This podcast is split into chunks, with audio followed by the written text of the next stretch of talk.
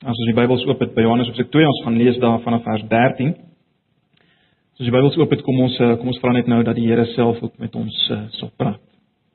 Ja Here, ons kom nou weer na U toe met 'n die besef van U ontzagwekkende grootheid waarmee ons weer gekonfronteer is in hierdie week. Maar dankie dat ons kan weet dat U wat so ontzagwekkend groot is, heerlik is, magtig is, dat U ook in ons midde nou is deur U Heilige Gees en dat U met ons wil praat deur die woord. Dat U ons wil aanspreek. Dat U ons wil vermaan, maar dat U ons ook wil bemoedig en dat U uiteindelik ons wil beweeg om vir U te leef in en deur alles wat ons doen. Want U moet verheerlik word. U moet opgelig word. U is al die lof waardig. U is al die eer waardig wat ons U kan bring. Kom nou Here en neem ons gedagtes gevange tot gehoorsaamheid aan U. Gebruik U woord deur die werking van die Gees, asseblief. Ons vra dit in Jesus se naam. Amen. Johannes 2, julle onthou ons het ehm um, klaar gemaak met die gedeelte oor Kana, die bruilof van Kana. Ons kom nou by vers 13. So kom ons lees net saam vanaf vers 13. Die Paasfees van die Jode was naby en Jesus het daarvoor na Jerusalem toe gegaan. Op die tempelplein het hy die verkopers van beeste, skape en duwe gekry en die geldwisselaars wat daar is. Toe het hy met touwtjies 'n sweep gemaak en almal uit die tempel uitgejaag, ook die skape en die beeste. Die geld van die geldwisselaars het hy op die grond gegooi en hulle tafels omgekeer. Vir die mense wat die duwe verkoop het, het hy gesê: "Vat hierdie goed hier weg, moenie die huis van my Vader 'n besigheidsplek maak nie." Toe het sy disippels daaraan gedink dat daar geskrywe staan: "Die liefde vir u huis verteer my." Maar die Jode het hom aangespreek en hom gesê: "Met watter wonderteken kan u vir ons bewys dat u hierdie dinge mag doen?" Jesus het hulle geantwoord: "Breek hierdie tempel af en in 3 dae sal ek hom oprig." Die Jode sê: "Toe 46 jaar lank is daar in hierdie tempel gebou en u sal hom in 3 dae oprig." Met hierdie tempel het hy egter sy liggaam bedroog. Later, nadat hy die dood opgewek is, het sy disippels daaraan gedink dat hy dit gesê het en hulle die skrif en die woorde van Jesus geglo. Lees net so ver. Miskien is jy vanoggend hier as iemand wat moeg is vir valsheid, vir voorgee, vir vorm. Wel dan jy vanoggend op die regte plek.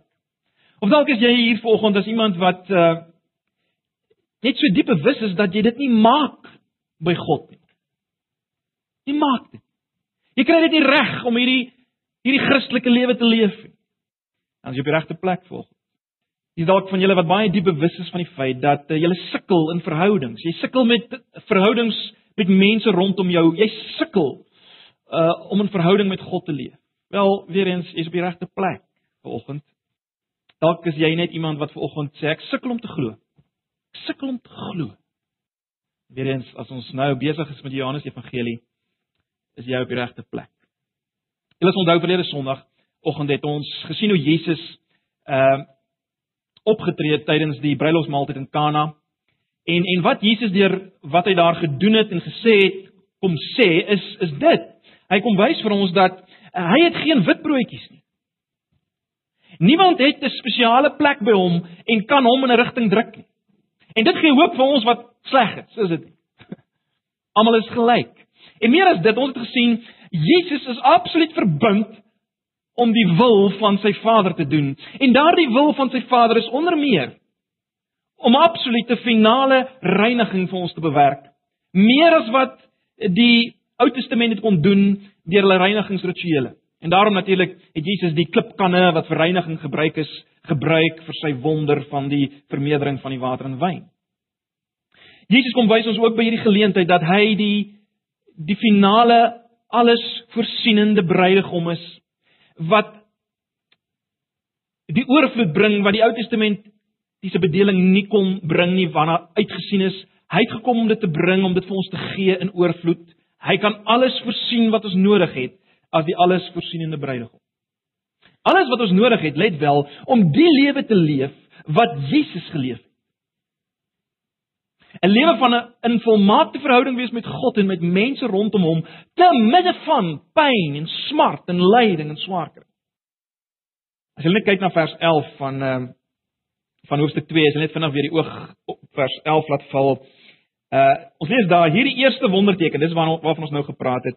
Hierdie eerste wonderteken het Jesus in Kana in Galilea gedoen. Hy het daardeur sy mag laat blyk of dan letterlik sy heerlikheid geopenbaar, dis hoe die 53 vertaling dit stel. Hy het hierdeur sy heerlikheid openbaar en sy disippels het tot geloof in hom gekom. Miskien belangrik dat ons die 53 vertaling daar volg wat sê hy het hierdeur sy heerlikheid geopenbaar en sy disippels het geglo.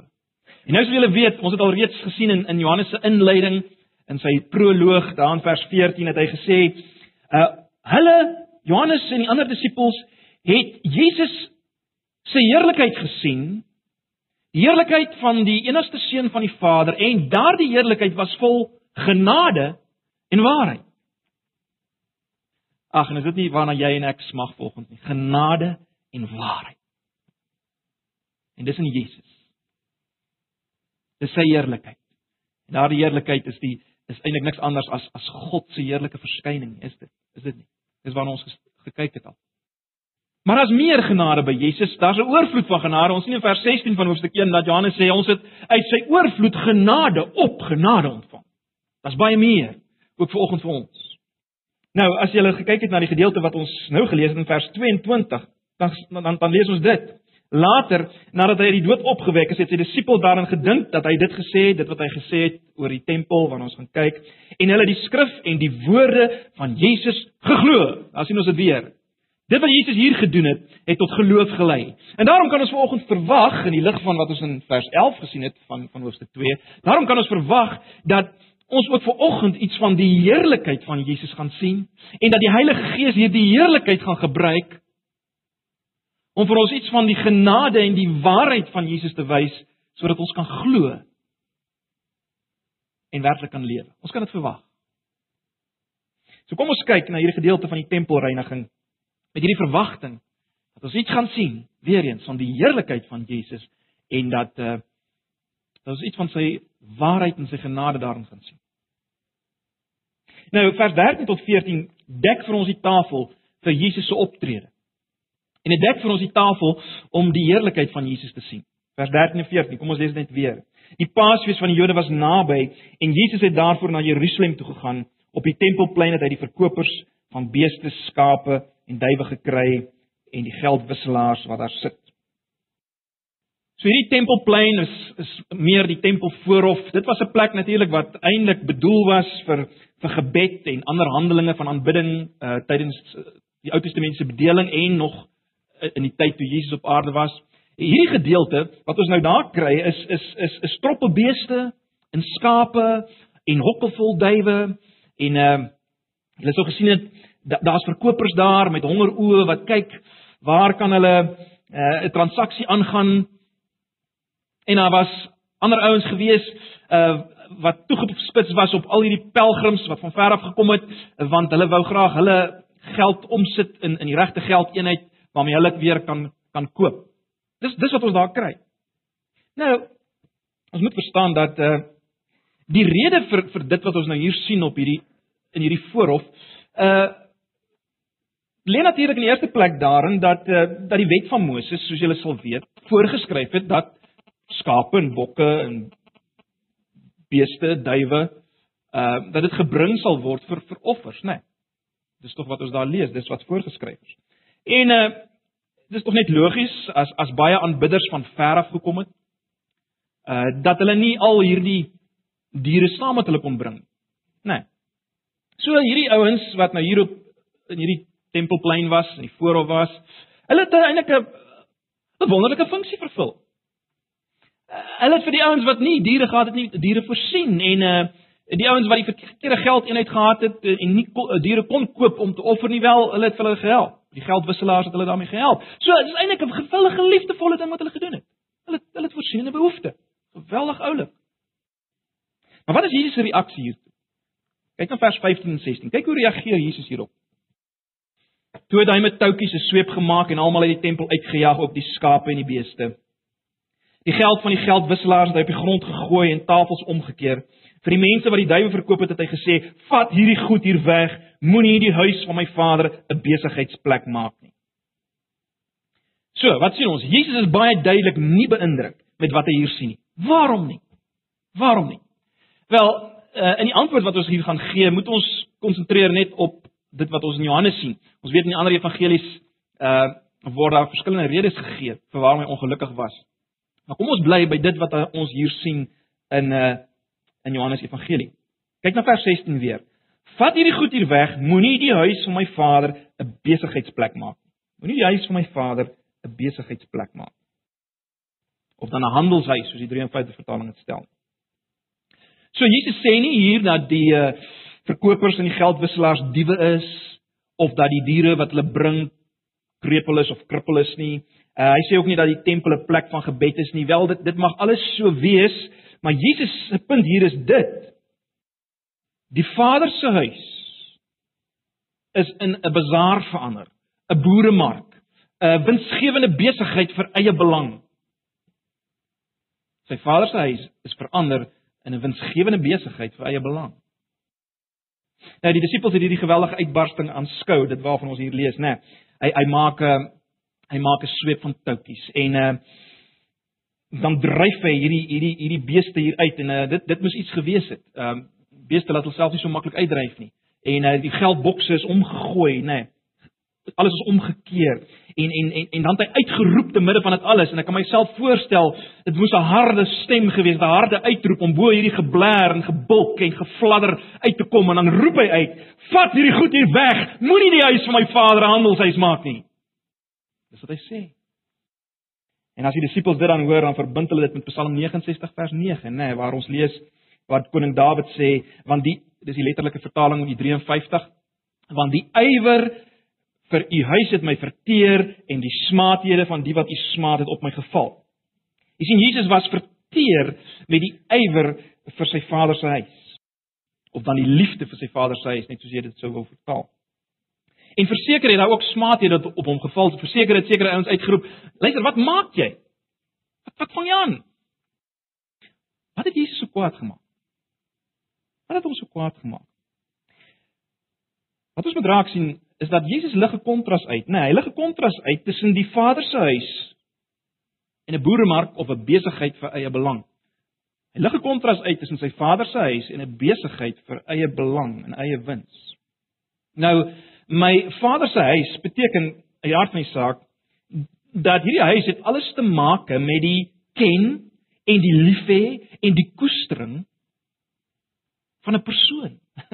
dis dis die hele gedagte. As hy sê my vader se huis. Dit is waar dit gaan, oor die ken en die liefhê en die koestering van 'n persoon, uh, my vader. En dan oor in hierdie plek, die tempel, uh het my vader absoluut die hoofplek, né? Nee en die hoofposisie. Dit gaan oor hom. Hy is die skat hier. Ag, en as ons in die Ou Testament lees in die Psalms dan dan sien ons dat iemand soos soos Dawid roep uit waarlik, een dag in die tempel is beter as 'n duisend daar buite. Hoekom? Want God is daar. God is daar.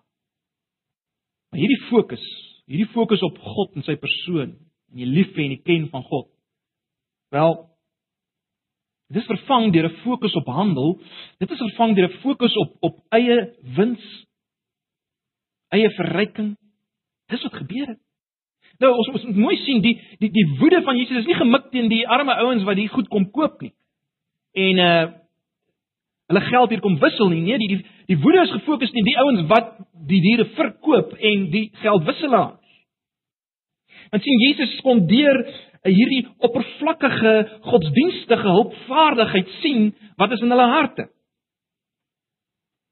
As jy net bietjie verder kyk in die gedeelte eh, net nadat ons gestop het in vers 25 en dan dan lees ons hy dis Jesus het nie nodig gehad dat iemand hom iets van 'n mens vertel nie want hy het self geweet hoe mense is. Hy weet wat gaan in mense se harte aan, né? Nee.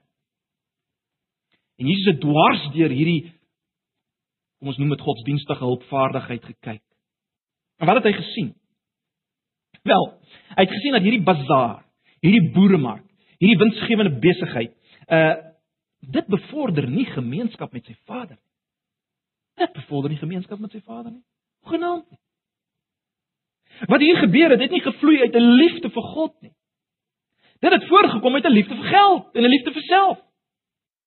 Uh, en wat alles eintlik erger gemaak het, is die feit dat dat godsdienstige ritueel, met ander woorde die dinge wat mense by 'n tempel doen, eh, dit aan die een kant en aan die ander kant uh hulpvaardigheid.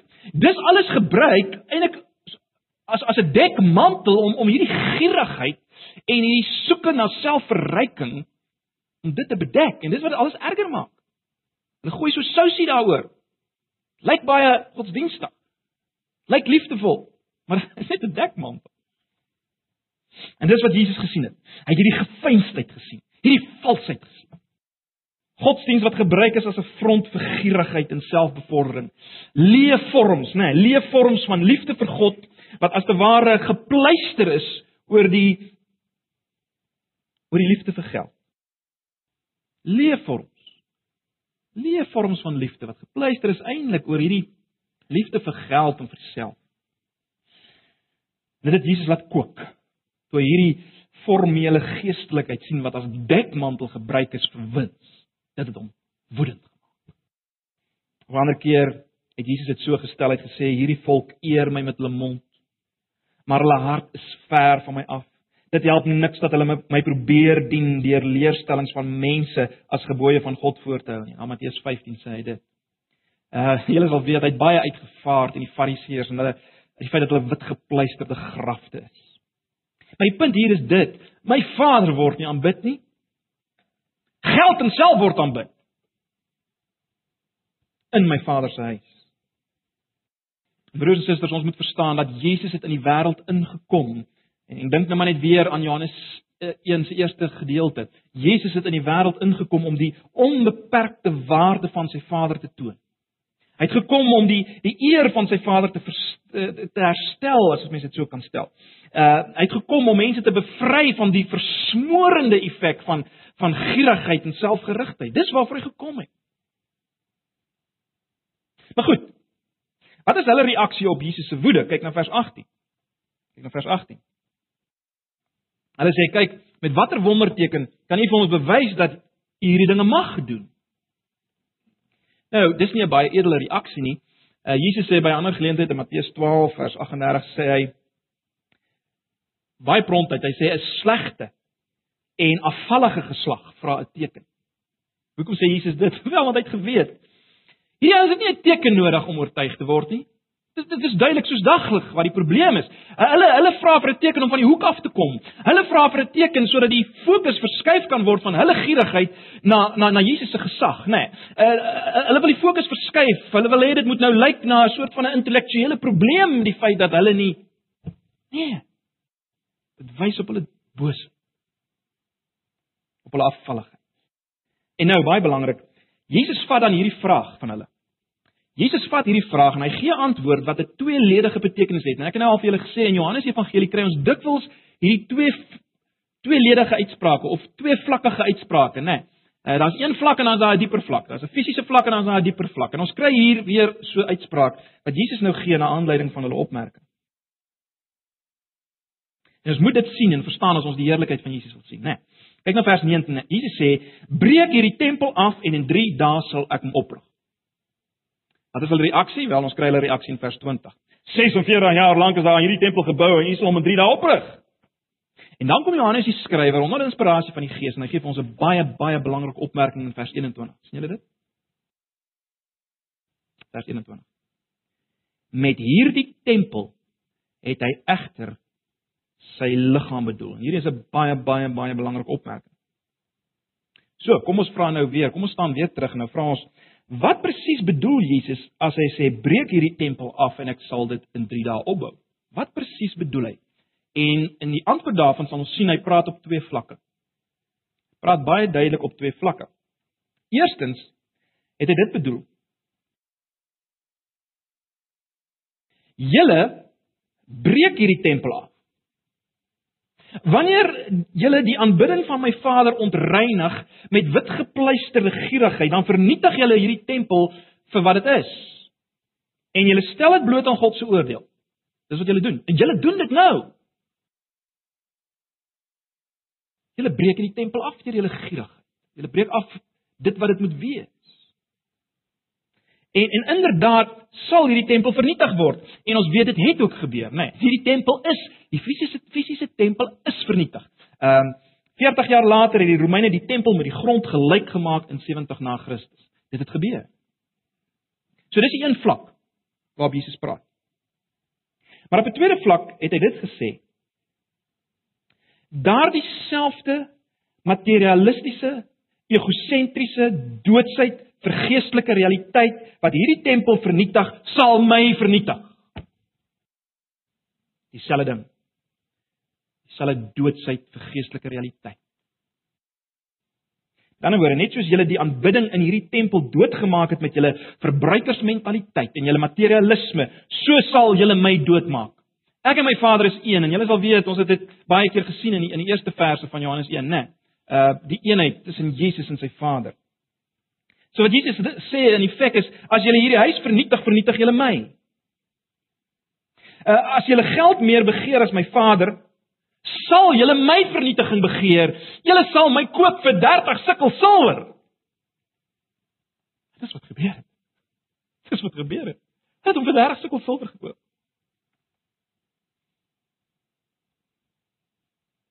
So, Jesus praat op twee vlakke.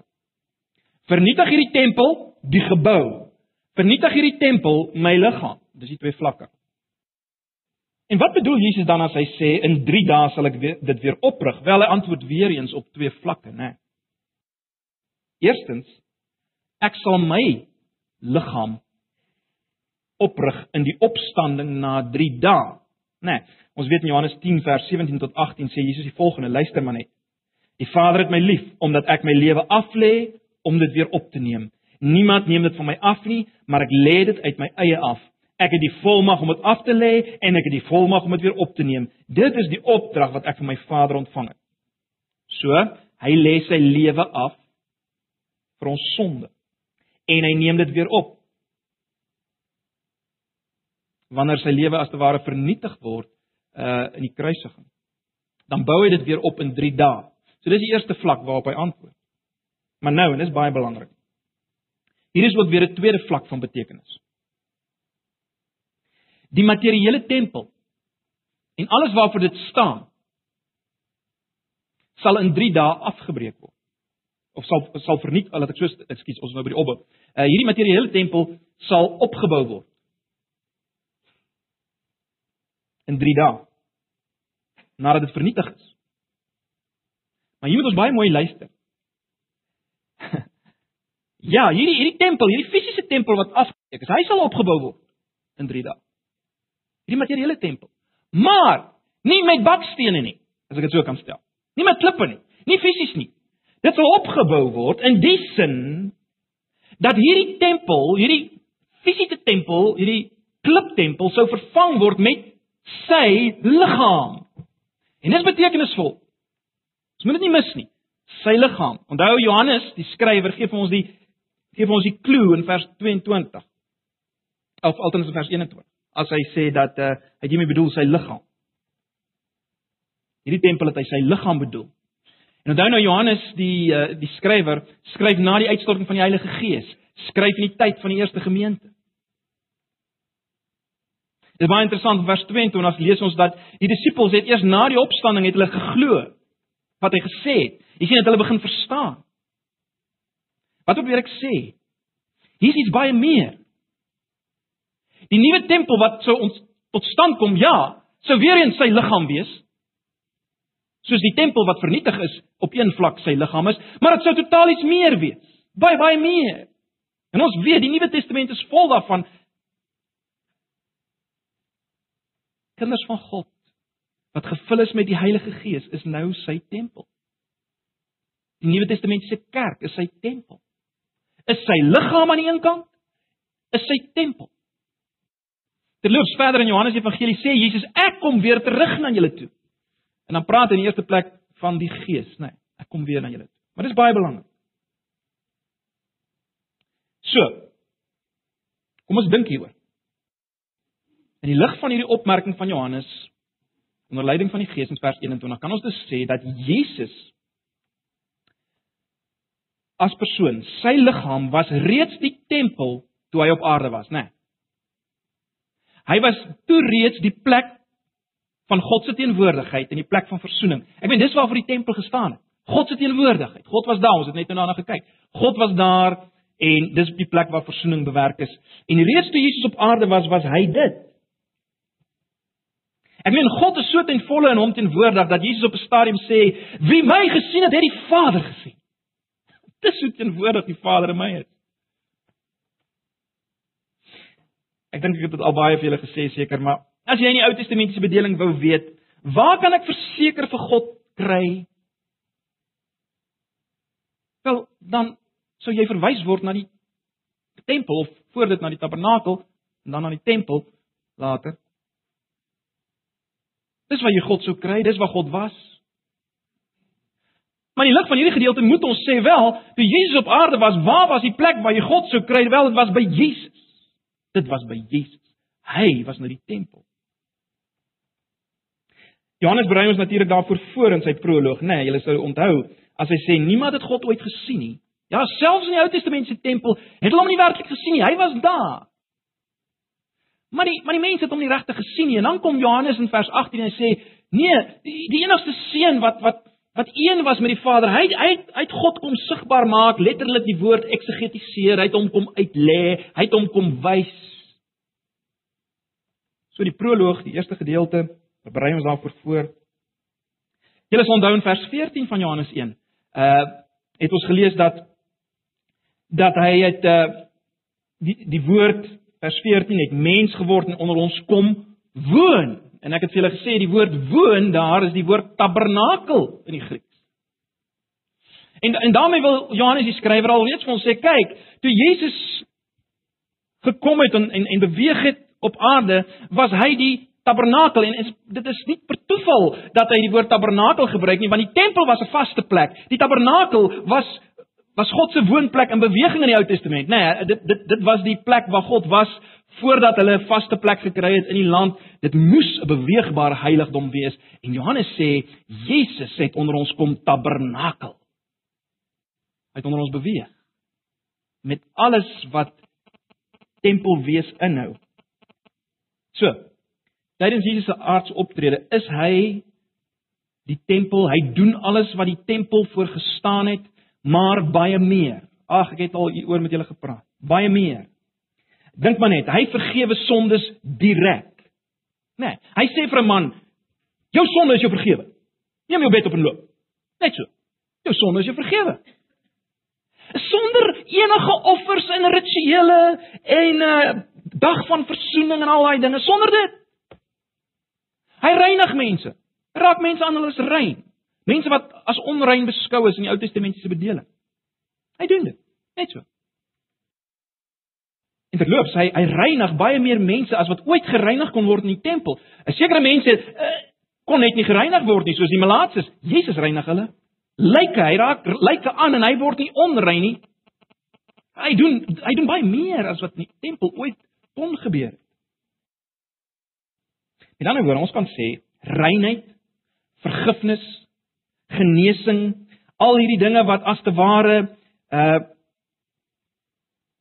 in die tempel gebeur het, afgebeeld is deur al die verskillende offers en al die verskillende reinigingsrituele, al daai dinge gebeur nou deur Jesus se woord en deur Jesus se aanraking, al die dinge wat in die tempel gebeur. Maar baie meer gebeur reeds as Jesus op aarde is. Deur sy woord en deur sy aanraking is verstommend om dit raak te sien. Ag en hy, hy brei al hierdie dinge uit na mense wat terloops in veral in die tyd wat Jesus geleef het, nie in die tempel eers mag ingekom het nie. Uh opgrawings het gewys dat uh vrouens en kinders mag nie naby die tempel gekom het nie. Hulle is hulle is letterlik gestenig as hulle ingekom het in sekere dele van die tempel. Wat doen Jesus? Wel, hy reik uit na vrouens en kinders. Hy doen soveel meer. Hy brei dit uit. Hy brei dit uit. Jesus die tempel raak mense aan. Ag, en broers en susters, as mens nou net terugdink en, en jy dink waarvoor was waarvoor het die tabernakel in die tempel gestaan? Wel, die tabernakel in die tempel was maar net 'n teruggryp na Eden, nê. Nee. Dis hoekom al die simbolismes binne die tabernakel het gewys op die tuin van Eden. Alles wat daar aangebring is, al die blomme en die knoppe en die goeters. Ag, dis 'n wonderlike studie op sy eie. Dit dit was Eden wat vasgevang moes word. God moes weer 'n plek kry soos in Eden. En nou nou kom Jesus. Eden is weer moontlik. Heelheid, kontak met God. So dis toe Jesus op aarde was. Maar Jesus sal ook by uitstek die plek van verzoening en die teenwoordigheid van God word met sy dood en opstanding. Dis baie duidelik. Ons weet nou reeds uh, in Johannes 1, hè, vers 29 het ons gesien, daar is die lam van God wat die sonde van die wêreld wegneem. Al die offers het maar net een gewys na wat Jesus sou doen. Maar nou die lam gekom. Nou is ander nou is nou is hierdie offerdiens nie meer nodig nie. Dis oorbodig want die lam van God wat die sonde finaal wegneem het gekom. Dis nie meer nodig dat daar 'n tempel is nie. Dit was net 'n teken daarvan. En dan baie belangrik. Dan staan Jesus op. Dan staan Jesus op. Nou, miskien moet ons net voor ons daarby kom. Moet ons net ons ons moenie vergeet wat gebeur het op Golgotha. Ons moenie vergeet dat die voorhangsel geskeur het nie en dit dit was iets geweldig. En dit sê die pad na die teenwoordigheid van God was oop. Toe Jesus as tempel as te ware skeur, as toe sy liggaam skeur, toe skeur die tempel se gordyn. En dis nie ek wat hierdie verband bring nie, wel Hebreërs stel dit vir ons so. Kom ons kom ek lees net vir julle, julle kan so intoe blaai. Hebreërs 10 vers 19 en 20. Hebreërs 10 vers 19 en 20. Hier sê die skrywer: Broers, ons het dus nou deur die bloed van Jesus vrye toegang tot die heiligdom En dit op 'n weg wat nuut is en na die lewe, let wel op die woorde wat hy gebruik en na die lewe lei. Hierdie weg het hy vir ons gebaan deur die voorhangsel heen. Dit is deur sy liggaam. Dit is deur sy liggaam. Jesus se liggaam was die voorhangsel. Hy was die tempel en toe toe sy liggaam skeur, toe, toe raak die tempel oop. Oop. Jesus het reeds aanduidinge daarvan gegee as hy praat met die met die uh met die Samaritaanse vrou as hy vir haar sê glo my mevrou daar kom 'n tyd wanneer jy die Vader nie op hierdie berg en ook nie in Jerusalem sal aanbid nie. Daar kom 'n tyd en dit is nou wanneer die ware aanbidders die Vader deur gees en in waarheid sal aanbid op enige plek. Kan daar toegang nou wees tot God deur sy gees. Baie belangrik. Na die gees uitgestort is, het alles verander. Oral waar kinders van God nou bymekaar kom en kinders van God as individue word nou die liggaam van Christus en die tempel van die Heilige Gees. Iets geweldig. Jy sien, daar's 'n geweldige uitbreiding van alles waarvoor die tempel gestaan het. Word nou uitgebrei. Dis nie meer gebind in 'n plek. Dis nie meer gebind aan 'n aan 'n groep sekere land. Dis oral. Geweldig. En dis wat ons moet raak sien, is dit nie? Ons moet die heerlikheid van Jesus hierin sien. Heerlikheid. Alles waarvoor die tempel gestaan het. God se teenwoordigheid, verzoening, reiniging, aanbidding. Dit is vir ons moontlik, vir ons, vir Antipas, vir elkeen wat in Christus is, ten volle. Dit is nie meer gekoppel aan een plek nie. Die onbegryplike is natuurlik Ons het reeds daarna verwys. Die onbegryplike is dat alhoewel Jesus alles gedoen het en was wat die tempel was en meer, wou die mense dit nie gehad het nie. So ek al reeds gesê dat hulle hom sy eie een van sy eie disippels het hom eintlik verkoop vir 30 sulke sulke silwer uit gierigheid uit. En die leiers van die volk het hom gekoop vir 30 sulke silwer. En die verstommende is dat mense vandag nog steeds nie belangstel in hierdie nuwe bedeling en alles waarvoor Jesus staan en en en dit wat ons nou kan beleef as as gelowiges. Dis dis verstommend. Maar goed, kom ons staan terug en ons kyk na die gedeelte en ons vra onsself wel wat moet ons alles sien vanoggend? Wat wil die Here vir ons sê wat wat hier sit vanoggend? Hier sit in in hierdie in hierdie nuwe bedeling sit ons hier. Wat moet ons hier uithaal? Wel, weer eens ons sien die heerlikheid van God hier. Ons het mekaar gesê ons kan verwag ons gaan die heerlikheid van God hier sien en ons sien dit hier. Maar ons sien dit radikaal. Ons sien die heerlikheid van God is revolusionêr. Ons moet dit nie mis nie, broers en susters. Maar dis ook vol genade en vol waarheid.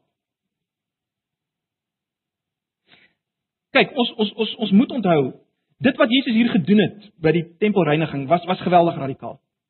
Jesus het omgekeer alles wat maar aanvaar is dat dit so moet wees. Ek meen die mense het aanvaar. Kyk, dit is maar die tempel. Ja, God is daar, maar ag kyk, almal weet dit dit gaan eintlik oor oor hierdie storie. Ek meen oor eie wins en eie verryking. Dis maar soos dit was.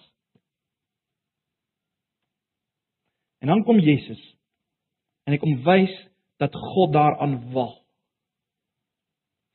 Dan kom Jesus en hy wys dat hy gekom het om eens en vir altyd realiteit te bring, né? Nee. Voorgee en valsheid en gierigheid moet afgestroop word. Dis wat hy kom wys. En broers en susters, kom ek vra vir julle, is dit nie heerlik nie?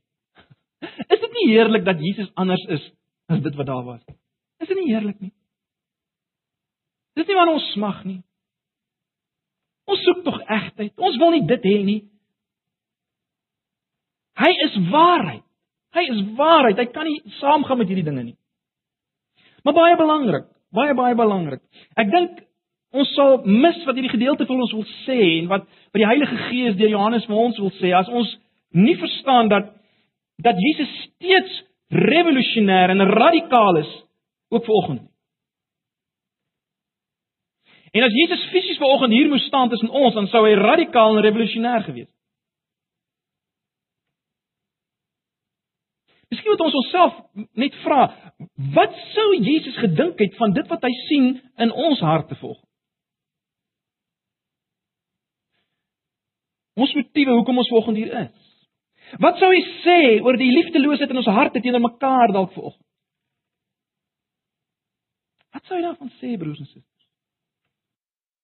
In die naam van kerk wees of in die naam van gereformeerdheid of wat dit geval mag wees al die al die afguns al die kwaadpratery al die agterdog tussen mekaar wat sou Jesus daarvan sê? Al die onchristelikheid in die naam van Christelikheid. Kyk uh, baie Christene die oomblik as hulle Christelik raak dan is hulle baie meer onchristelik as wat hulle is as hulle met gewone dinge besig is. Nee is nie so nie Jy beskielik as dit gaan oor Christelike dinge, dan dan dan's al die liefde by die deur uit en dan's daar haat en agterdog. As hulle oor rappie praat, dan's daar baie liefde. Wat sou Jesus daarvan sê? Onthou nou wat het ons mekaar gesê? Ons is nou sy tempel. Wat sou hy sê as hy weer sy tempel kom besoek? Want ons hoef nie baie ver te soek nie, né? Nee. Dieselfde Johannes wat Johannes Evangelie skryf.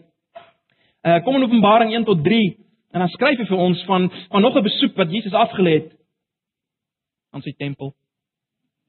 Nou as die verheerlikte een oë soos vuur vlamme stem soos baie waters verheerlik kom hy weer na sy tempel en dis wat ons kry in die sewe briewe aan die gemeentes. Want kyk wat waaroor praat hy. Kyk wat sê hy oor die liefdeloosheid. Kyk wat sê hy oor louheid en ywer vir hom Ek sal julle uit my mond spuug. Ek staan by die deur en ek klop, maak oop sodat ek kan gemeenskap hê met julle. Dis waarvoor julle bestaan, om gemeenskap met my te hê. Kyk wat maak julle. Julle sê ons is ryk en ons het verryk geword. En julle weet nie dat dit julle is wat blind en armsalig is en naak is nie. Gaan kyk weer na wat Jesus sê. Ag, broers en susters. Dis dieselfde Jesus Dis sal sal Jesus met 'n passie vir een ding en dit is dat in sy tempel God aanbid word en daarom hy aanbid word. Dit gaan oor hom, dit gaan oor sy persoon. As dit oor enigiets anders gaan as sy persoon, of dit 'n goeie teologie is, 'n leerstelling, maak nie saak nie. As dit nie gaan oor sy persoon nie, dan walg hy daaraan. Hy walg dan. Gaan dit oor hom? Gaan dit oor hom? Is daar is daar versoening in sy tempel? Is daar genesing in sy tempel? Is daar reiniging in sy tempel? Dis waar dit hom gaan. So God se heerlikheid word gesien in Jesus se optrede. Dis radikaal en is vol waarheid. Maar is vol genade, is dit nie? Dis vol genade.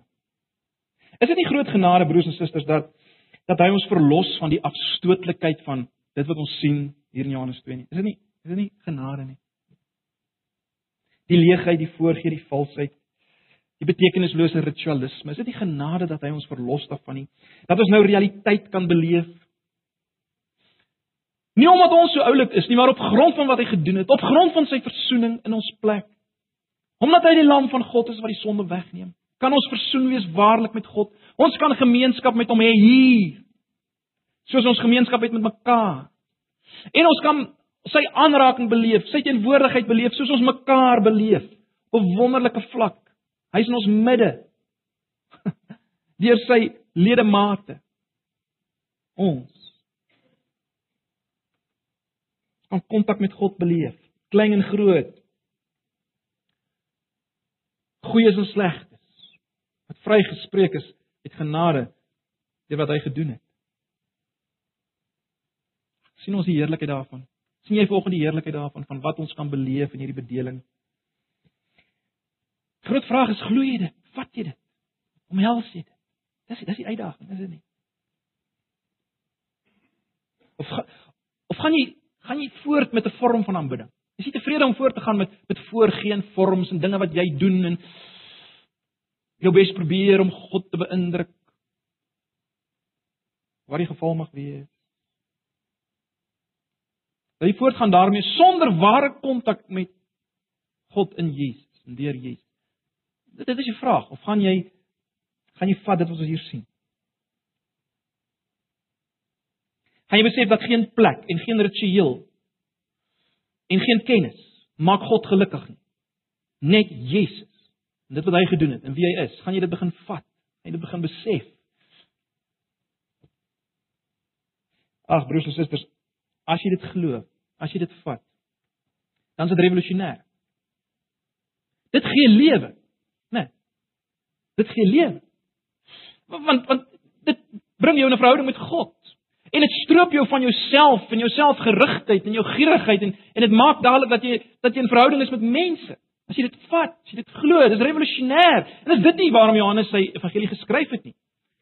Sodat jy kan glo dat Jesus die Christus is en kan lewe. Kan lewe. Te hooflik. Dis waarvoor hy gekom het.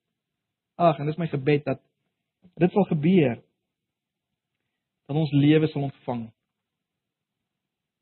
ons hierdie heerlikheid sien vol genade en waarheid en as ons dit vat, werklik vat, glo dit omhels. Dit bring lewe, broers en susters. En dis die lewe waarna ons eintlik smag. Hy bring dit. Kom ons bid saam.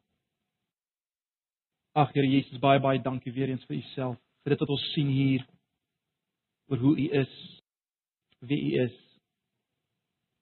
Dankie dat ons waarheid sien. Dankie dat ons genade sien. Ons het dit nodig, Here. Ons kan nie sonder dit. Ons is geneig tot leuns en valsheid. Ons is geneig tot eie werke.